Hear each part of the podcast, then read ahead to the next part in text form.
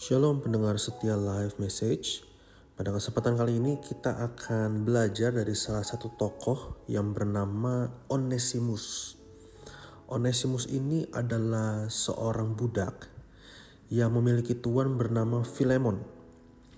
Ternyata Onesimus ini adalah budak yang kabur atau pergi dari rumah tuannya.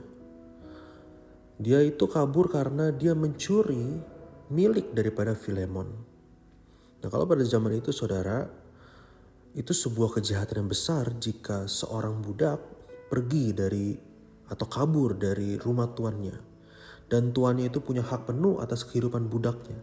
Sehingga tuannya jika menemukan budaknya yang kabur itu, tuannya ini punya hak penuh untuk menghukum dia dengan cara dan bentuk apa pun, termasuk kematian. Nah, tetapi kita akan melihat waktu Paulus menemukan Onesimus atau Onesimus menemukan Paulus. Jadi waktu Onesimus kabur, Onesimus bertemu dengan Paulus. Nah, di situ Saudara harus lihat bagaimana Paulus menobatkan Onesimus. Akhirnya Onesimus bertobat dan kembali kepada Filemon. Nah, tetapi dalam kembalinya Onesimus kepada Filemon, Paulus ini punya pesan yang sangat baik untuk Filemon. Dia mau mengajari bahwa Filemon terimalah Onesimus. Sebab Onesimus ini sudah bertobat.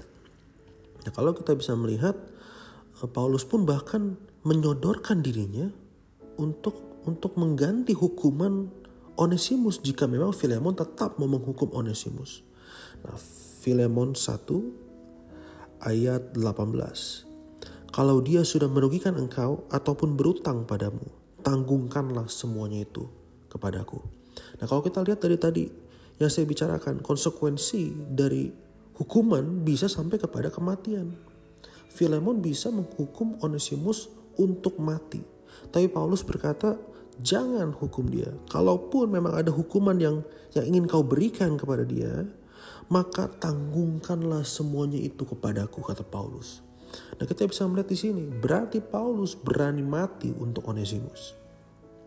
Dan kalau kita tahu, di dalam kitab Injil dikatakan bahwa kasih itu adalah orang yang mengorbankan nyawanya, rela mengorbankan nyawanya demi sahabat-sahabatnya. Itulah kasih yang diajarkan oleh Injil. Nah, kita bisa melihat di sini bagaimana Paulus melaksanakan Injil itu. Dia mau mengorbankan dirinya untuk apa? Supaya supaya Filemon mengerti betul bahwa Onesimus itu bertobat. Tapi poin sesungguhnya adalah Paulus rela mengorbankan dirinya untuk sahabatnya. Kita tahu bahwa pertemuan Onesimus dengan Paulus tidak tidak jadinya cuma sebentar saja, tidak. Mereka bertemu dan mereka memiliki hubungan yang jangka panjang. Nah di situlah terjadi persahabatan yang mengubahkan kehidupan Onesimus. Yang tadi dia menjadi pencuri, dia sudah bertobat dan dia mau kembali kepada Filemon. Dan Paulus berkata bahwa jika memang Filemon harus menghukum, please, biar saya yang tanggung. Nah ini kita harus punya kasih seperti Paulus. Kasih yang yang rela mengorbankan nyawa, rela mementingkan orang lain. Supaya orang lain bisa hidup kembali, bisa berguna kembali. Nah Bapak Ibu Saudara, mari kita praktekkan kasih ini untuk menjadikan orang lain lebih utama daripada diri kita sendiri. Rela mengorbankan apa yang kita miliki demi orang lain. Itulah kasih. Kasih adalah pengorbanan dan Paulus melakukan hal yang diperintahkan oleh Injil. Siapkah kita untuk melakukan Injil? Tuhan Yesus memberkati.